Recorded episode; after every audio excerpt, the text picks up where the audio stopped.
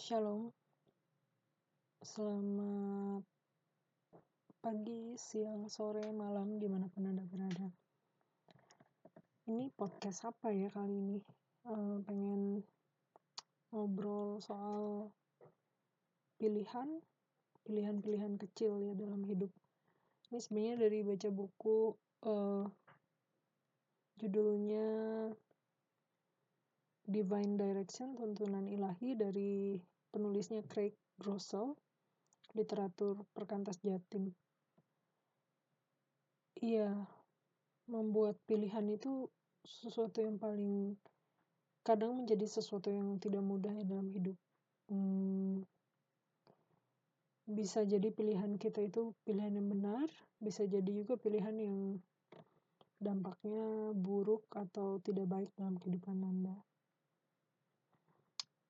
tapi uh, Anda berjarak satu keputusan jauhnya dari mengubah hidup Anda selamanya ya. Memang keputusan itu bisa mengubah seluruh kehidupan sampai selama-lamanya ya. dan kadang kita nggak tahu kita cuma bisa memutuskan tapi kemudian kita tidak sadar bahwa keputusan itu bisa mengubah banyak hal. Mengubah pola hidup mengubah jalan hidup mengubah semuanya gitu uh,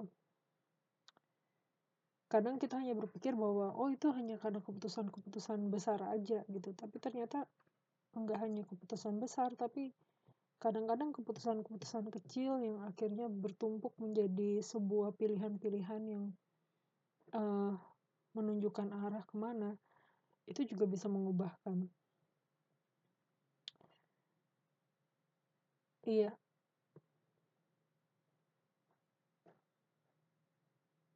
misalnya di sini uh, di buku Craig itu dia bilang bahwa dia memutuskan untuk tidak pergi ke pesta. Dia lebih memilih untuk melakukan satu sesi pelajaran maraton terakhir di perpustakaan. Dia tidak pernah bayangkan betapa keputusan ini meskipun terlihat remeh sangat mempengaruhi seluruh kehidupan saya nantinya. Dengan kertas bertebaran di sana sini di atas meja saya tenggelam dalam pembelajaran membuat catatan buka halaman demi halaman buku teks manajemen bisnis yang terlihat lebih mirip dengan buku telepon.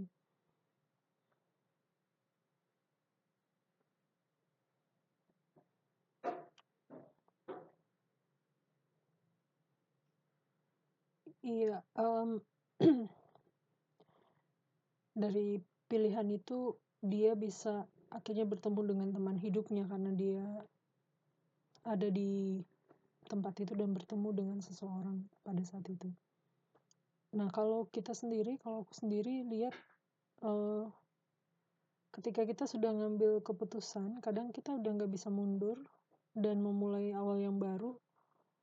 Uh, tapi awal yang baru itu juga bisa jadi menjadi penentu akhir yang baru juga.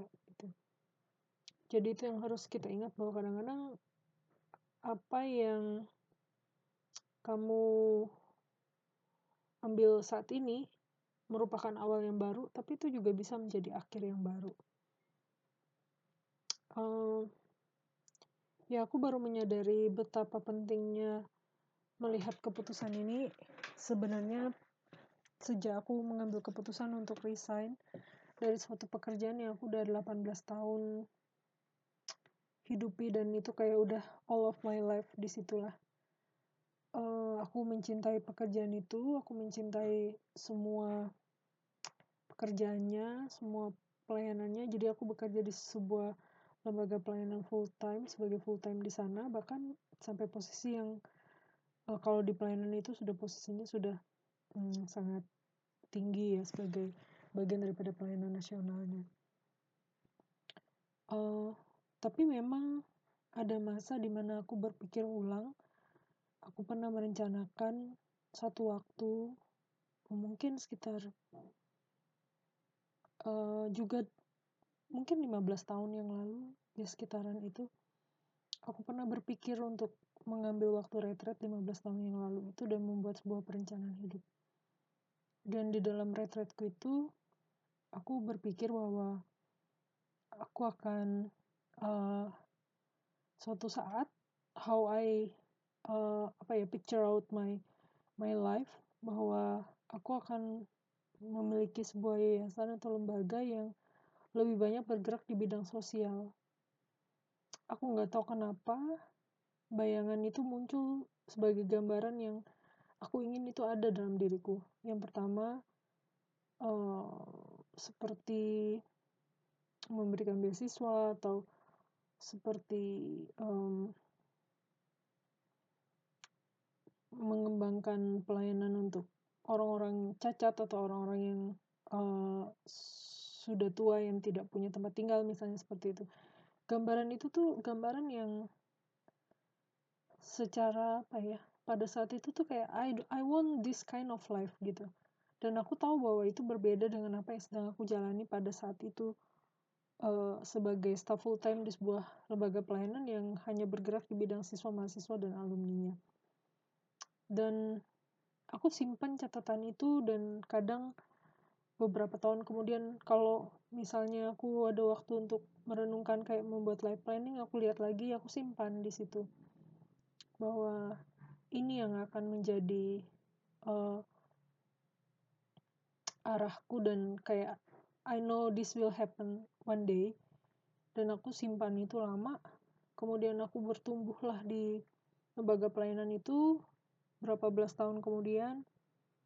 Dan ada satu titik di mana uh, orang tuaku pada saat itu meminta untuk aku pulang gitu.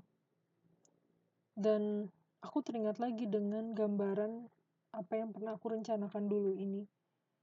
Jadi dari situ kemudian aku bergumul dan akhirnya aku berpikir bahwa I have to stop dan harus memulai untuk arah ini yang dulu pernah aku buat ini dan aku harus terus mencari apa yang Tuhan mau lewat semuanya ini. Memang semuanya berjalan sangat tidak mudah, hmm, cukup berat buatku juga karena mungkin dasar yang aku pakai kenapa untuk pindah itu hanya hanya itu gitu. Aku tidak berpikir dengan baik how I can live, bagaimana aku bisa hidup, bagaimana penghidupanku. Aku betul-betul memang pada saat itu tidak terlalu baik memikirkannya. Aku cuma berpikir kamu kan bisa buka bisnis atau just as simple as that. Sementara aku tidak berpikir bahwa I don't have any any apa ya, any pengalaman yang cukup untuk hal itu gitu. Jadi sebenarnya itu itu hal yang tiba-tiba itu ada dalam kehidupanku dan uh, eh, 2020 terjadi pandemi di bulan Februari Maret ya. Uh, kemudian 2020 itu juga aku sudah menyatakan gitu bahwa aku akan resign kepada uh, kepada pimpinan tempatku dan juga uh, board yang ada dan semuanya. Lalu 2021 satu tahun setelah itu pas juga masih pandemi eksekusinya tetap berjalan bulan Juni aku mengajukan percepatan satu bulan untuk pulang karena masa waktu itu hmm, masa pandeminya masih kuat dan pelonggarannya masih ada uh, iya pada saat itu akhirnya aku pulang. Dan sekarang jika uh, di bulan April 2022 ini ini aku udah memasuki masa hampir satu tahun dari masa transisi itu. So what happened to my life now apakah pilihan yang sudah aku ambil itu benar-benar udah arahnya udah benar atau seperti apa?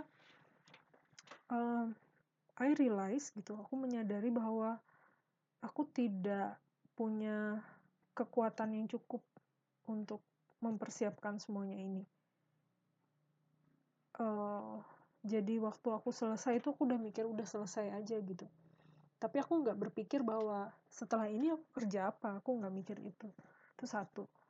Yang kedua aku nggak berpikir lalu uh, apa yang harus aku lakukan gitu. Memang aku udah bikin desain ya blueprint semuanya aku udah bikin udah rapi dan tapi setelah sampai di di kondisi realnya di sini anda tahu apa yang terjadi? Bahwa semuanya itu berbeda dengan apa yang aku pikirin dan bayangkan. Semua yang aku pikirin oke okay, gini rencananya. Itu tiba-tiba perang gitu seperti kaca pecah yang berkeping-keping dan aku hanya lihat ya ini cuman ini mungkin hanya sebuah gambaran saja dan satu tahun udah kayak gini beratnya gitu. Yang pertama I don't have any income. Yang rutin. Yang kedua aku harus hidup dengan tabungan. Dan tabunganku habis. Bukan habis ya maksudnya habis untuk banyak operasional dan juga mulai berpikir untuk investasi misalnya seperti membuka kafe dan lain-lain. Akhirnya uh, itu menjadi berkurang ya uh, tabungan dan itu cukup meng mengkhawatirkanku akhirnya gitu. Sampai di masa-masa yang seperti itu uh, kemudian aku bergumul lagi bergumul dan bergumul terus. Tapi memang sih kalau aku evaluasi gitu ya dalam waktu satu tahun ini what I get gitu. Yang pertama adalah uh, di core-nya masih tetap gitu core-nya itu tetap gitu ya. Core-nya itu uh, I still in the ministry even I don't have any apa ya income dari situ atau apa pun. Kemudian in the ministry I mean saya masih tetap jadi pengurus satu uh, pelayanan. Kemudian uh, masih tetap juga untuk memimpin beberapa kelompok kecil. Dan studi saya juga uh, masih tetap berjalan gitu. Walaupun juga sedikit demi sedikit saya nggak bisa mengambil penuh gitu ya semuanya karena ada masalah pendanaan ini lalu kemudian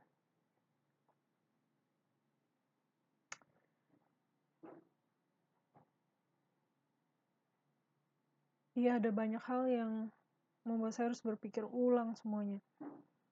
Hmm, ada hal-hal yang apa ya yang nggak mudah kayak oh ya yayasan misalnya saya dulu berdoa untuk sebuah yayasan sebenarnya yayasan itu sudah ada dan dan sudah terbentuk ya. Saya maksudnya itu pun saya nggak keluar dana gitu dana sangat minim sekali untuk bisa jadi sebuah yayasan itu di notaris notarisnya juga free. Tiba-tiba yayasan itu ada. Kemudian kalau saya ditanya juga tentang uh, lain-lainnya transport dan lain-lain juga Tuhan juga menyediakan. Misalnya saya juga dalam waktu satu tahun ini bisa ada uh, dana yang ya selain juga bantuan dari orang lain uh, ada dana untuk membeli sebuah mobil untuk operasional saya di sini dan dan itu bisa terjadi. Saya saya juga pikir bahwa tidak mungkin sebenarnya.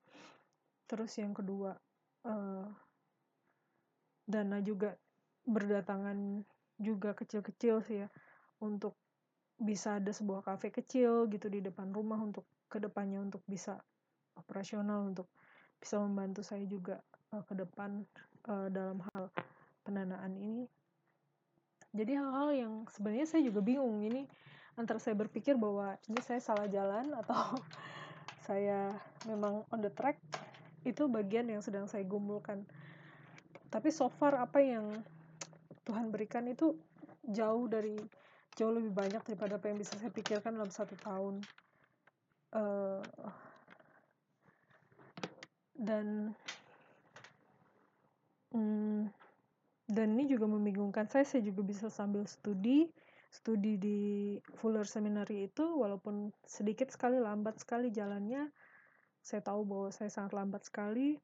Tapi saya pikir bahwa itu sudah on the track gitu loh. Maksudnya itu juga terjadi gitu. Bagaimana mungkin seorang yang tidak punya penghasilan selama satu tahun kemudian bisa ada transport bisa buat kafe bisa sambil studi itu kan sesuatu yang impossible sebenarnya. Dapat dana dari mana? Itu kan kalau dihitung-hitung itu besar sekali gitu dana itu gitu. Saya juga tidak bisa tidak bisa menjelaskan di sini bagaimana itu terjadi gitu ya. Tapi itu memang bantuan dari orang lain saya sadar betul hal itu. Hmm, jadi uh, ini masih jadi gumulan yang tidak mudah yang saya alami di persimpangan tabrakan-tabrakan persimpangan ini. Hmm, saya mendoakan sebuah proses sebuah uh, suatu apa ya suatu bentuk yang lebih real lebih jelas. Itu pun saya sampai sekarang masih belum bisa bilang bahwa ini jelas. Satu tahun ini saya seperti menggambar menghapus menggambar menghapus menggambar menghapus dan belum ketemu bentuknya. Walaupun mungkin beberapa itu udah mulai kelihatan gitu. Tapi ini tuh tidak rapi tidak clean tidak clear gitu. Seperti yang biasa aku hadapi selama 18 tahun mungkin segala sesuatunya udah teratur rapi dan sistem sistemnya sudah sangat sangat baik sehingga segala sesuatunya pasti berjalan dengan sangat indah dan sangat baik um, Nah, ini sih kalau misalnya aku ditanya tentang pilihan ya. Uh, ya berulang kali memang sih decision itu harus berdasarkan apa ya firman Tuhan gitu ya. Hmm, firman yang menuntun atau menjadi pelita atau menjadi menjadi uh, terang untuk apa yang ada di depan. Ya aku cuma bisa berdoa agar Tuhan membuka jalan buatku untuk bisa uh, next time aku akan cerita lagi apa yang akan terjadi ke depannya. Tapi uh, sejauh ini ini sih yang terjadi. Jika kalau ditanya saya dari rintis satu kalau tanya pelayanan saat ini ada rintis uh, eh, KTB remaja di gereja kemudian aktif terlibat juga di gereja sebagai pengurus. Ya baru pengurus hari besar gerejawi sih ya. Baru ikut di situ. Terus Graduate Center juga saya gabung juga jadi pengurus di networkingnya. Saya masih megang tiga kelompok kecil dan masih bergumul dalam hal itu. Terima kasih amin